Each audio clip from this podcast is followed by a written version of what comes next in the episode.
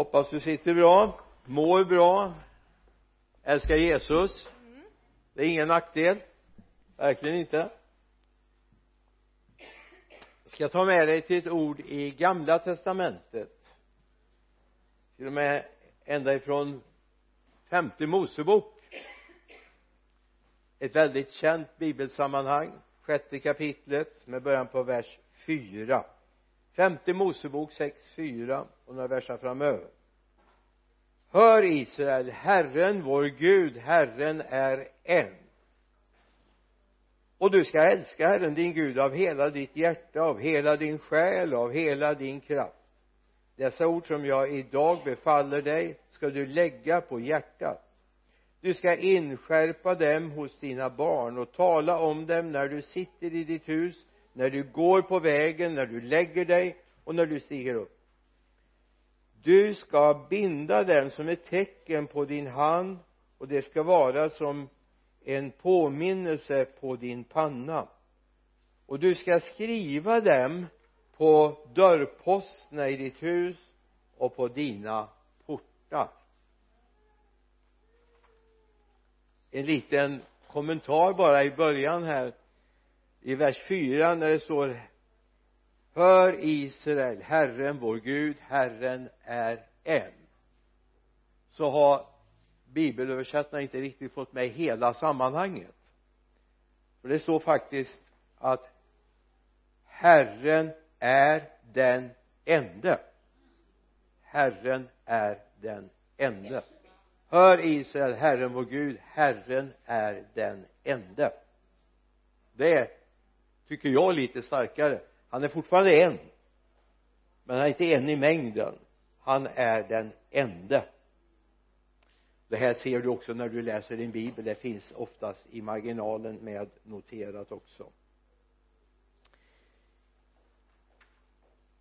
Den här söndagen har jag fått tror jag är ganska övertygad en uppmaning från Gud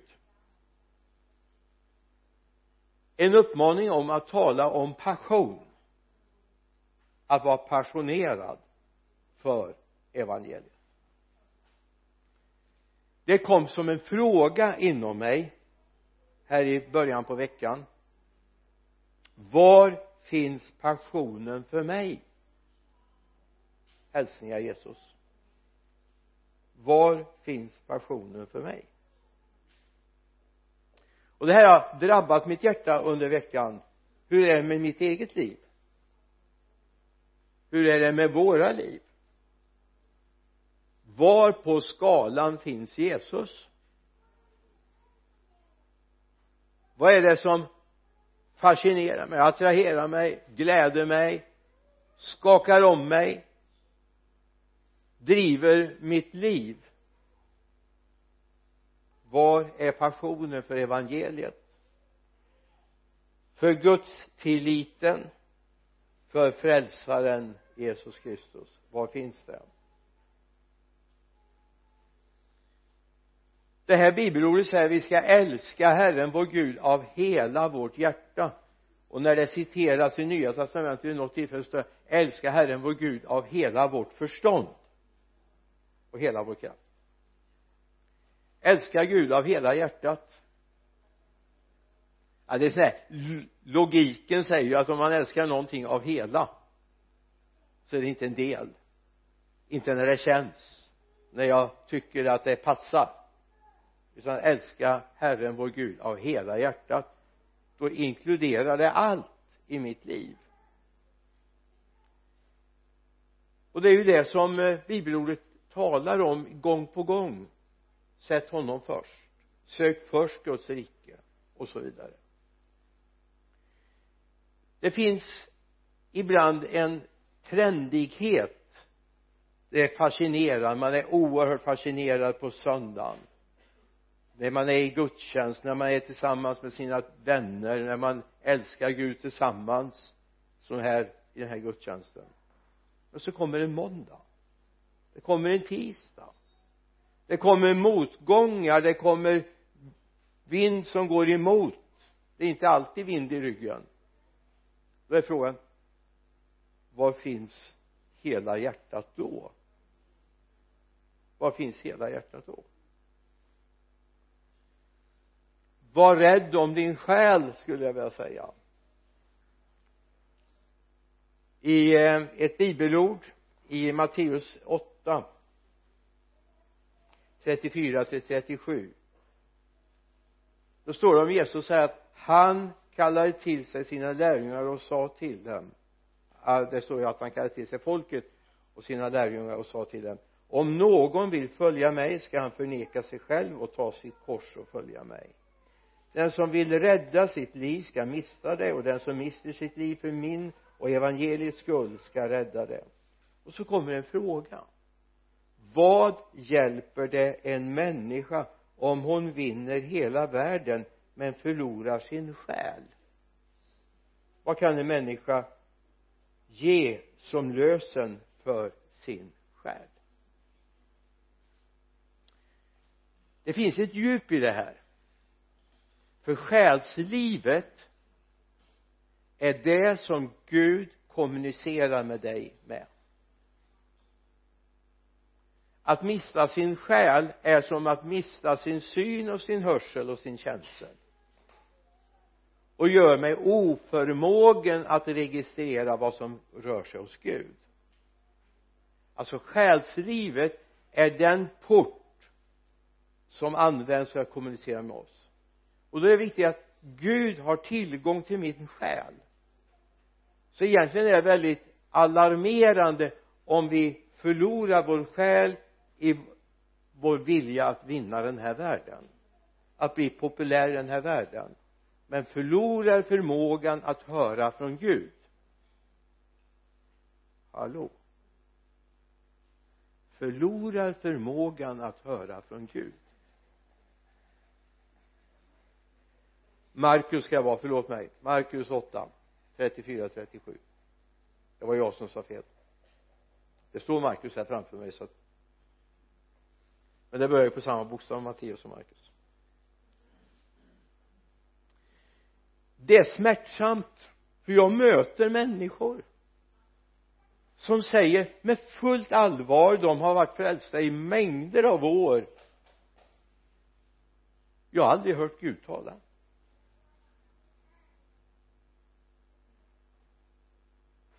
Jag har aldrig hört Gud tala ja, kanske någon gång sådär genom någon.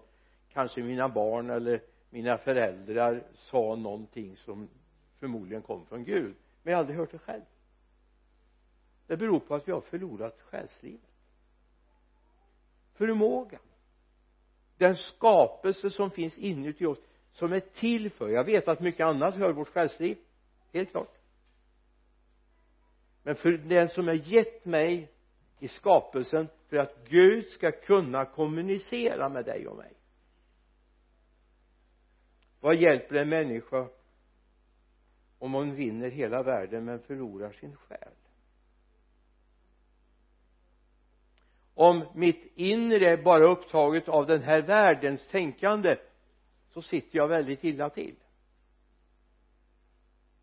Så om jag ska komma fram till en passionerad tro på Jesus så behöver jag börja registrera vad Gud säger, vad Gud vill, vad Gud tänker.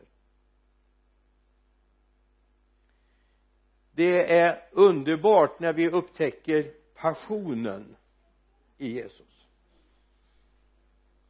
Jag blir glad ibland när man kommer till församlingar. Jag har ju tjänat några stycken församlingar. Jag har rest i landet och så möter man de där passionerade människorna.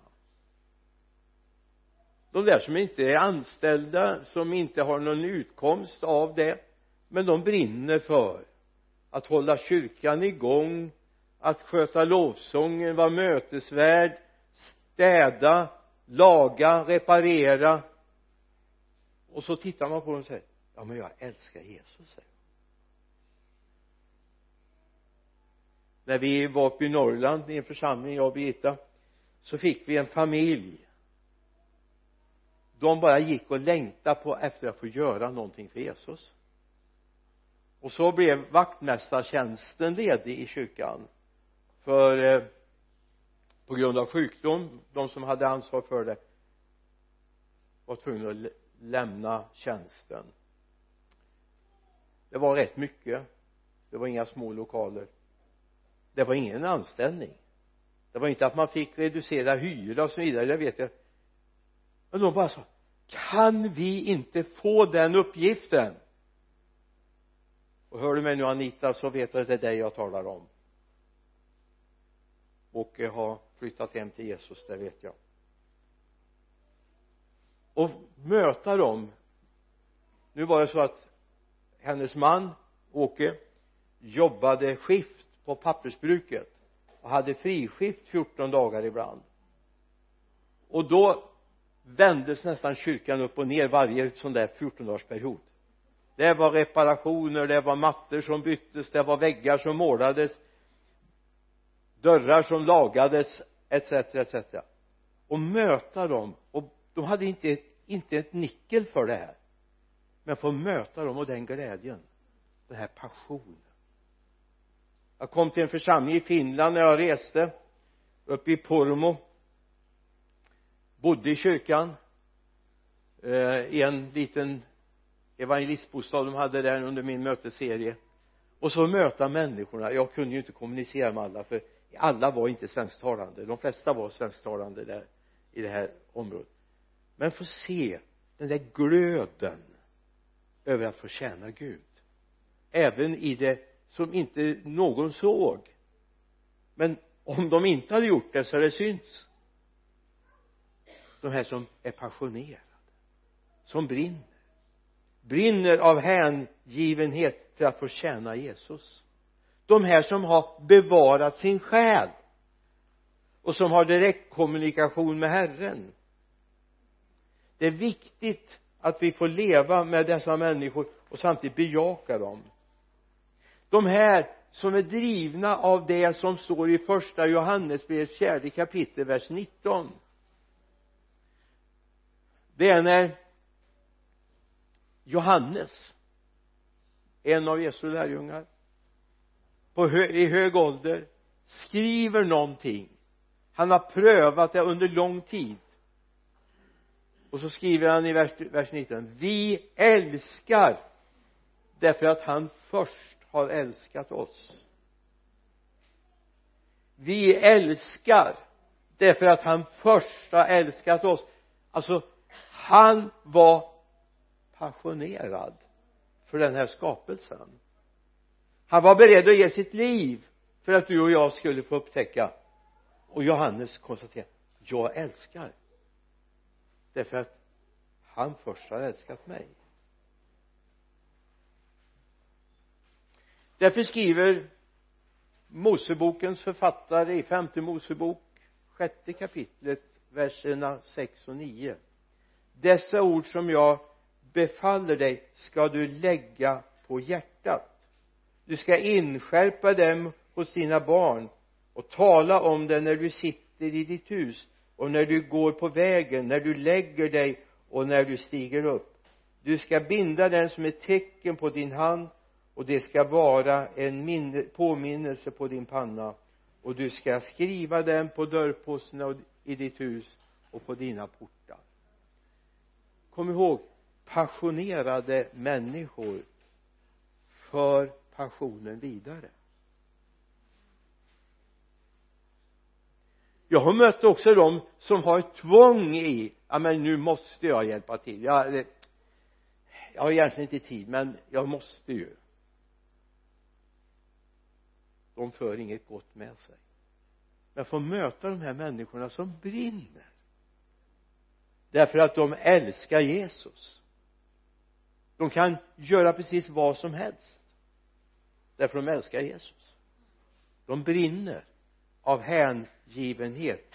Men det står att låt det här föras vidare. Skriv upp det berätta det för barnen varför du gör det du gör låt dem få del av vad du brinner för. Lyssna. Det är lättare att prägla den uppväxande generationen med ack och ve än med tack och lov.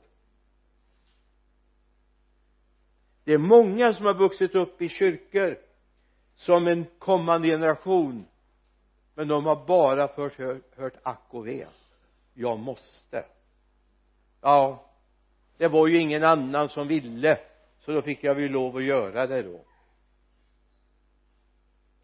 Nästa generation kommer inte vara passionerade Jesus lärjungar. Jag säger inte att det är någon garanti för att om man säger tack och lov att de blir passionerade Jesus lärjungar ändå. Men det är betydligt lättare. Det är betydligt lättare. Så låt det föras vidare och låt det höras varför rusar du till kyrkan varje söndag? Vad funderar grannarna på? Är det med glädje ni lastar i bilen och åker iväg eller går iväg?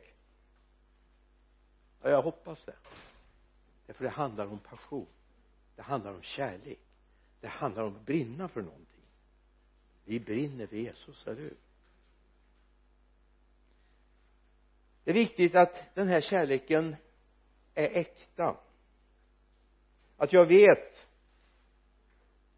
vem jag älskar. Jag känner honom. Världen är full av passionerade människor. Det är inget som är unikt för kristna. Ta alla bygdegårdsföreståndare som sällan har ersättning för det. Alla idrottsfanatiker. Jag menar visst finns det passion? Man spelar på andra sidan jordgloben i en match. Och man tar ledigt flera veckor för att kunna vara med och heja på sina sitt lag. Eller hur? Men det kommer inte rädda världen även om man vinner med 5-0 eller kommer bäst i, i den här ryttartävlingen kommer det inte rädda världen. Men någonting som kan rädda världen det är passionerade kristna. Det är viktigt vi skiljer på passion och passion. En passion som också gläder mig på måndagen, på tisdagen, på onsdagen, på torsdagen, på fredagen innan vi möts på nytt igen det är viktigt att vi får se det finns en passion som håller. En glädje som brinner här inne. Jag vet på vem jag tror. Jag vet att han är världens räddare. Jag vet att han är världens frälsare. Jag vet att han är det enda hoppet för den här världen. Det är honom vi brinner för. Det handlar om en kärleksrelation. Han har älskat mig. Därför älskar jag honom. Han gav sitt liv för mig. Därför ger jag mitt liv för mina medvandrare. Jag har en kärlek till honom. Och det är det Gud skulle vilja ta tag i dig och säga du jag har älskat dig jag har gett mitt liv för dig. Och många många av dina föregångare och dina syskon har fått ge stora offer för att du skulle få höra evangeliet. De brann. Vi som lever i den här församlingen ska vara oerhört tacksamma för generationerna före oss. Jag hade förmånen att möta några av dem som fanns här i den här kyrkan innan vi kom in i bilden jag mötte deras hängivenhet. Jag mötte deras vånda, deras kamp. Jag bad tillsammans med, jag prisade Gud tillsammans med dem. Långt innan jag var ens tänkt att kliva in i den här rollen här i den här församlingen. Fanns i en annan församling. Och man hade i den församlingen bestämt att jag skulle vara med och stötta den här församlingen under en period, en övergångsperiod. Men möta dem som visste vad knäbönemöte var. Vet du vad det är? När man kryper ner på sina knän i ödmjukhet inför Herren. Jag mötte dem här uppe på estraden. När de låg vid de här stolarna som stod där då. Ropande till Gud för den här församlingen.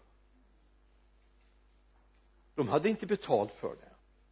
De var inte valda till det de brann av kärlek till Guds verk. Låt mig få ta en negativ bit nu. Jag finner idag jag rör mig runt jag följer många församlingar över hundra församlingar följer jag på olika sociala medier. Och jag möter idag en apati.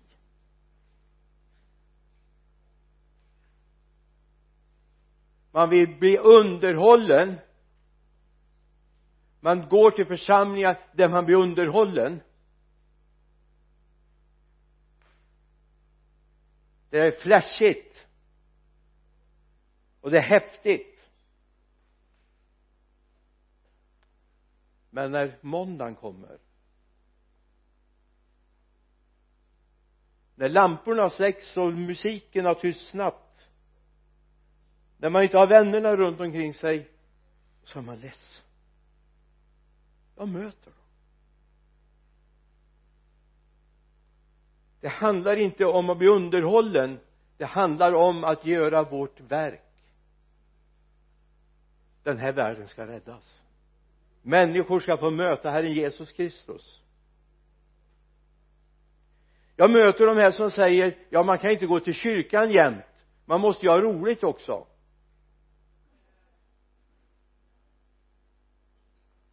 En del är jag väldigt lätt förnöjd men jag trivs i kyrkan.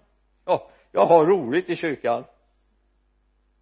Det har varit så påtagligt här för en tid sedan. Vi hade ett studiebesök i Lidköping och jag eh, spelade upp några eh, videosekvenser ifrån en dopförrättning här.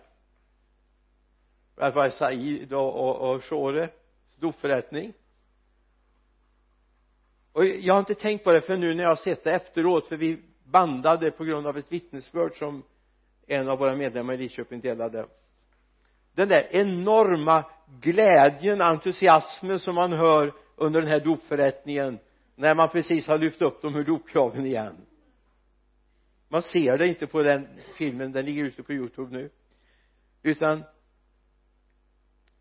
man bara så jag får konstatera till ungarna som är eller ungdomarna som är där.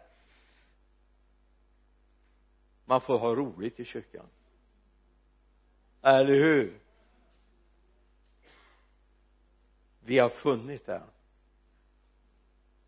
Men i Matteus 24 jag upplever någonting av Guds smärta. Jesus är som han han ser in i den tid där vi är. Det kanske inte är unikt. Det har nog funnits många sådana tider men då står det så här i vers 11 många falska profeter ska träda fram och bedra många. Och eftersom laglösheten ökar kommer kärleken att kallna hos de flesta. Men den som håller ut till slutet ska bli frälst. Kärleken ska kallna. Det är väl inte sant om kyrkan?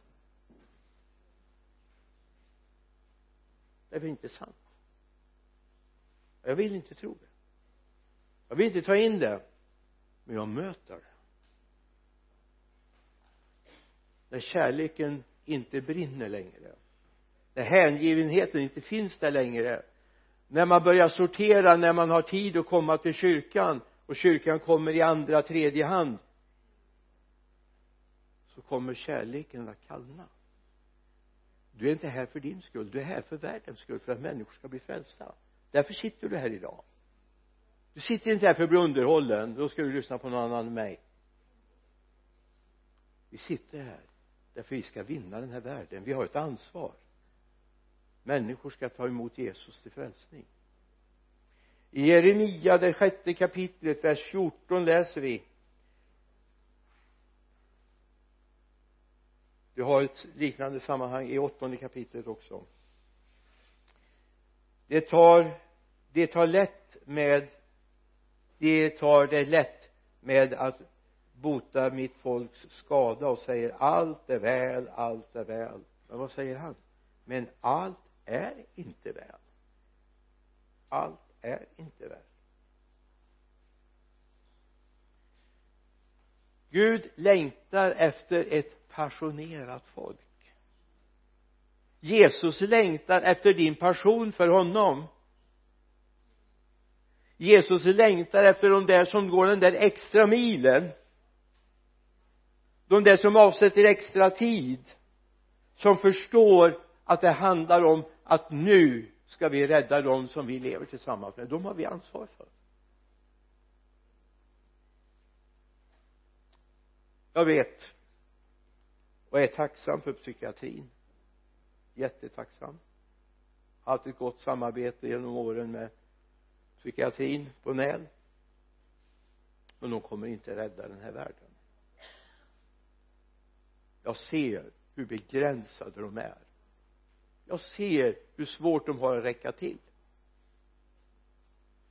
Och hade de inte sina psykofarmaka så skulle de inte klara någonting. Det är så. Men du och jag sitter inne med ett evangelium som kan förändra världen. Och det är viktigt att vi inte missar det. Att vara passionerad det är att brinna för något. Eller hur? Att brinna för det jag gör, det jag tror på, det jag står för. Att människor kan få lära känna honom. Och få upptäcka. Det finns ett liten passus i uppenbarelsebokens tolfte kapitel vers 11 som du gärna får ta med dig hem och, och fundera över. Det är ett konstaterande det står så här de övervann honom genom lammets blod och genom sitt vittnesbördsord de älskade inte sitt liv så högt att de drog sig undan döden. Det här är den yttersta konsekvensen av passion för Jesus. Förr så tog vi exempel ifrån eh, forna Sovjetunionen. De sibiriska fånglägren och arbetslägren för dem som älskade Jesus. Och så tänkte man när Sovjetunionen föll att det här är ett minne blott. Nu finns det arbetsläger i Ryssland för dem som älskar Jesus hängivet men vi har så många länder idag. Där våra trossyskon sitter i fängsligt förvar. Dessa i Nordkorea Irak, Iran, Syrien i delar av Albanien. Jag skulle kunna göra en lång uppräkning. Om vi ska titta på den afrikanska kontinenten så har vi ett antal länder där man inte kan leva fritt med sin kristna tro. Tunisien Libyen Sudan Mali. Vi kan göra uppräkningen väldigt lång. Man säger idag att det finns 54 länder i världen där de kristna sitter extremt trångt. 54 länder.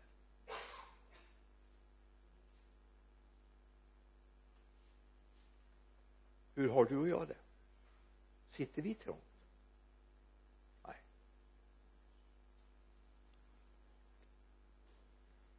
I eh, torsdags hade vi polisbesök på vår gudstjänst i Lidköping. Eller efter gudstjänsten. Men det var inte för att de skulle fånga oss som älskar Jesus. Det var lite andra problem som var där som vi försökte lösa utan polishjälp. Och det gick jättebra men jag tänkte det bara när, när de står där i dörröppningen ihop med Kjell. Tänkte det kunde ju varit att vi har varit i en annan kontext. Nu var det inte det. Det var väldigt vänliga människor. Jag tror de var tre stycken till och med. Som eh, står där i dörren. Och de välsignade oss istället. Jag är väldigt tacksam för det, deras vänlighet men jag tänkte bara efteråt det kunde varit en annan kontext. Idag är det inte någon fara att vara passionerad. Jag har mött dem som har suttit i sibiriska arbetsläger. Lydea ifrån Riga. Men de hade inte lyckats bryta ner hennes passion för Jesus. Hon var snarare lite farlig för dem för hon berättade om Jesus i fånglägret och arbetslägret hon var och hur bra det var med Jesus. Alla var ju inte där av samma skäl. Men det finns en, en situation som beskrivs i andra Petrusbrevet andra kapitel verserna 17 och 18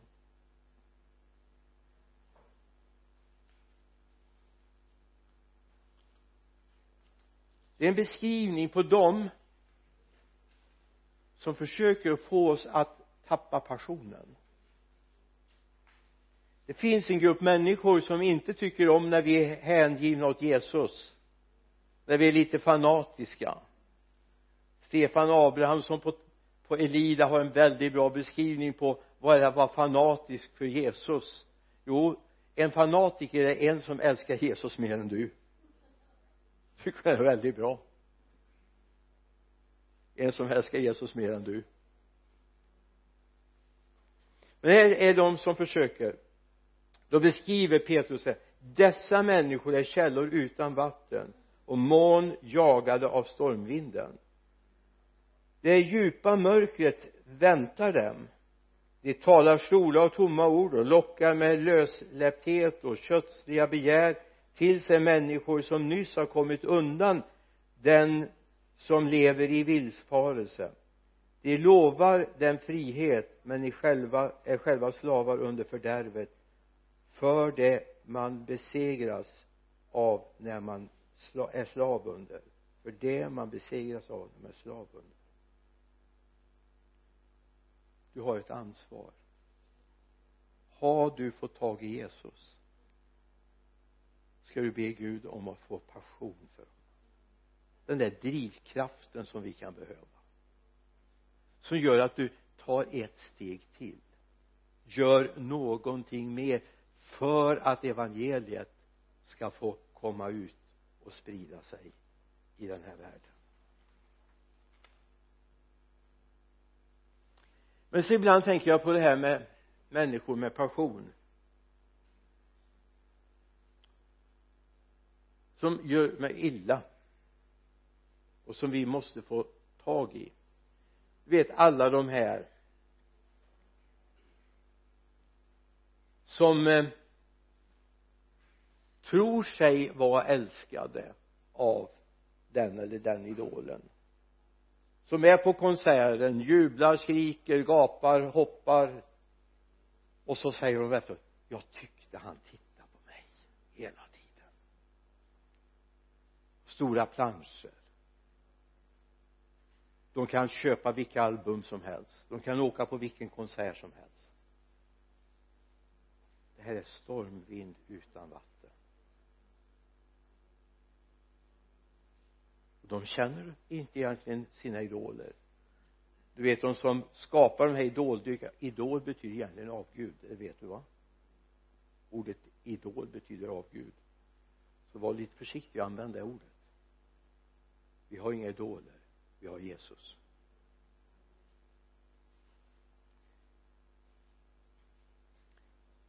Alltså de här som inte känner egentligen den där som de hyllar.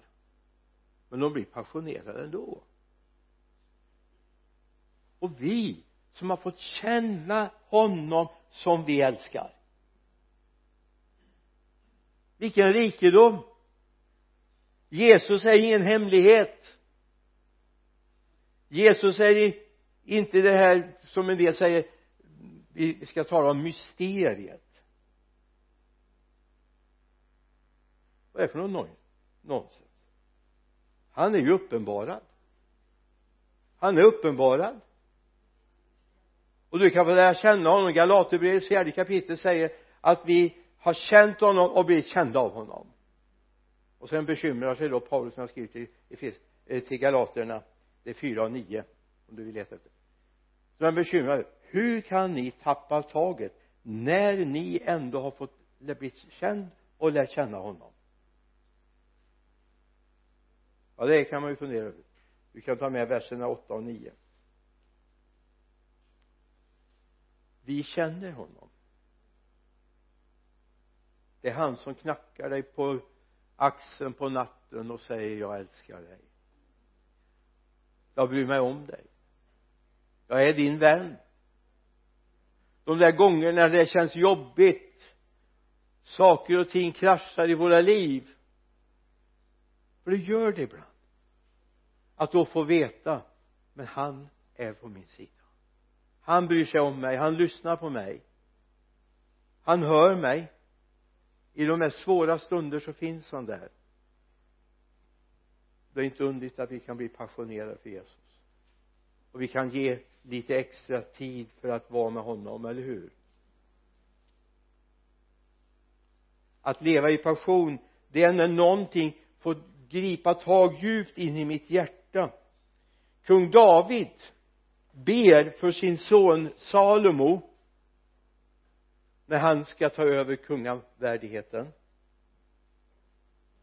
Då ber han en bön vi har den i första krönikebokens 29 kapitel. Börjar han så här. Herre Abrahams, Isaks och jag Israels vår fäders Gud låt ditt folks hjärtan sin, hjärtans sinnen och tankar vara redo till sådant till, för evigt. Och vänd deras hjärtan till dig. Och så ber han ge min son Salomo ett hängivet hjärta så att han håller dina bud, dina vittnesbörd och dina stadgar. Och utför allt detta och bygger templet som jag förberett. Det är 16 till 19 nej 18 till 19 förlåt mig 18 till 19 andra krönikboken 29 18 till 19 nej första första första. Nu lurar ni mig här. Första krönikeboken är det naturligtvis. Ge min son Salomo ett hängivet hjärta. Jag har blivit präglad av den här bönen. Inte så att jag tror någon bad det när jag blev frälst. Att ge Bengt-Arne ett hängivet hjärta. Jag vet inte, det är möjligt att min andlige mentor när jag var nyfrälst. Joel Blomqvist. Bad det, det vet inte jag. Men jag har präglats av det. Så när jag ber för människor till frälsning. Det är inte alltid jag ber ut det högt men jag ber det i mitt hjärta. Ge honom, ge henne ett hängivet hjärta. Ge honom, ge henne en passion för dig Jesus inte för en speciell kyrka, inte för en speciell predikant utan för dig Jesus. Låt dem bli hängivna. Låt dem bli passionerade för dig. Ge Salomo ett hängivet hjärta så att han håller dina bud. Och klarar du en liten hemlighet? Det är ju så här att jag har blivit ett år äldre varje år. Det var ingen hemlighet det, det blir ni allihopa, eller hur? Men jag har en bön för min efterträdare. Jag har Davids bön. Ge honom ett hängivet hjärta. Så han brinner för dig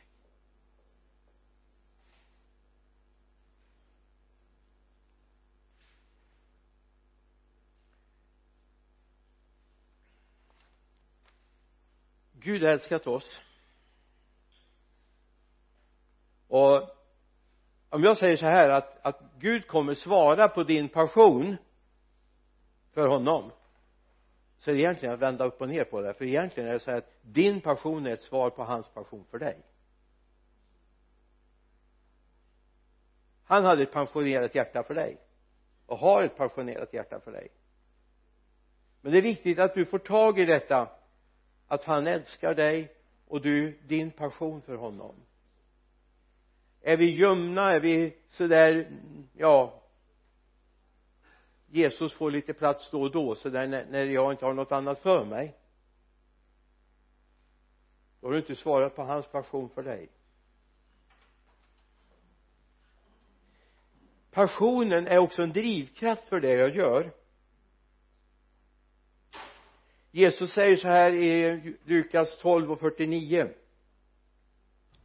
jag har kommit för att tända en eld på jorden och vad jag önskar att den redan var tänd. Att redan den elden var tänd. En tänd eld kommer göra skillnad. Den som brinner för Jesus kommer göra skillnad och det är ju inte underligt då att Johannes döparen redan i Matteus 3, 11 har en längtan när han talar om jag kommer för att döpa i vatten. Men han som kommer efter mig vad säger han om honom?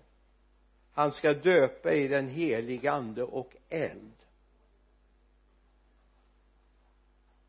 Alltså det jag längtar efter det är att människor ska bli döpta i den helige ande och eld.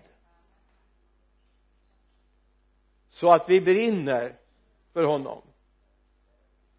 Den som har fått den elden i sig det säger profeten också att han försökte tiga men han klarade inte av det. Därför elden brann där inne. Tyvärr är det allt för många som inte den elden brinner hos. Man kan låta bli. Man kan hålla sig undan. Man kan hitta egen väg att gå. Men det funkar inte. Gud vill att du ska vara döpt i den heliga ande och eld. Då blir du en passionerad Jesu lärjunge. En som är beredd att då gå den där extra milen för någon som är beredd att ge ett offer för honom som är beredd att avstå någonting för egen del det är inte säkert att du får allt som dina grannar får men du får en sak du får tjäna honom. Och det får inte dina grannar. Avundas inte grannarna att de kan åka jorden runt 58 gånger på ett år och köpa alla prylar som finns i alla affärer. Ha sista märkeskläderna och så vidare. De saknar det du saknar. Eller det du har. De saknar det du har löftet om ett evigt liv. Du vet det här är bara en förgård. Frågan är vad händer nästa steg? När livet har runnit ut vad händer då? Vart är du då? Älska Herren din Gud av hela ditt hjärta av hela din själ av allt ditt förstånd. Och din nästa som dig själv står det i nya testamentet bland annat i Mark. Matteus evangelium. Älska Herren din Gud av hela ditt hjärta. Bara för att göra en liten kort rekapitulering. Om man älskar Gud av hela hjärtat hur mycket kärlek finns det kvar för den här världen? Inget. Inget. Inget. Men vi har fått allt med honom allt med honom. När vi läser i Matteus 6 och 33 sök först Guds rike och hans rättfärdighet så ska allt detta andra tillfalla. Vad är det för allt det andra? Jo det är det som hedningarna jagar efter först av allt. Det får du med i mötet med honom. Låt oss be tillsammans. Herre jag ber låt det här få landa i våra hjärtan. Herre verket är ditt och vi prisar dig för det Jesus. Herre låt oss få en passion för dig en kärlek. Någonting som brinner i våra hjärtan över att vi hör dig till. Jag ber om det i Jesu namn. Amen. Amen.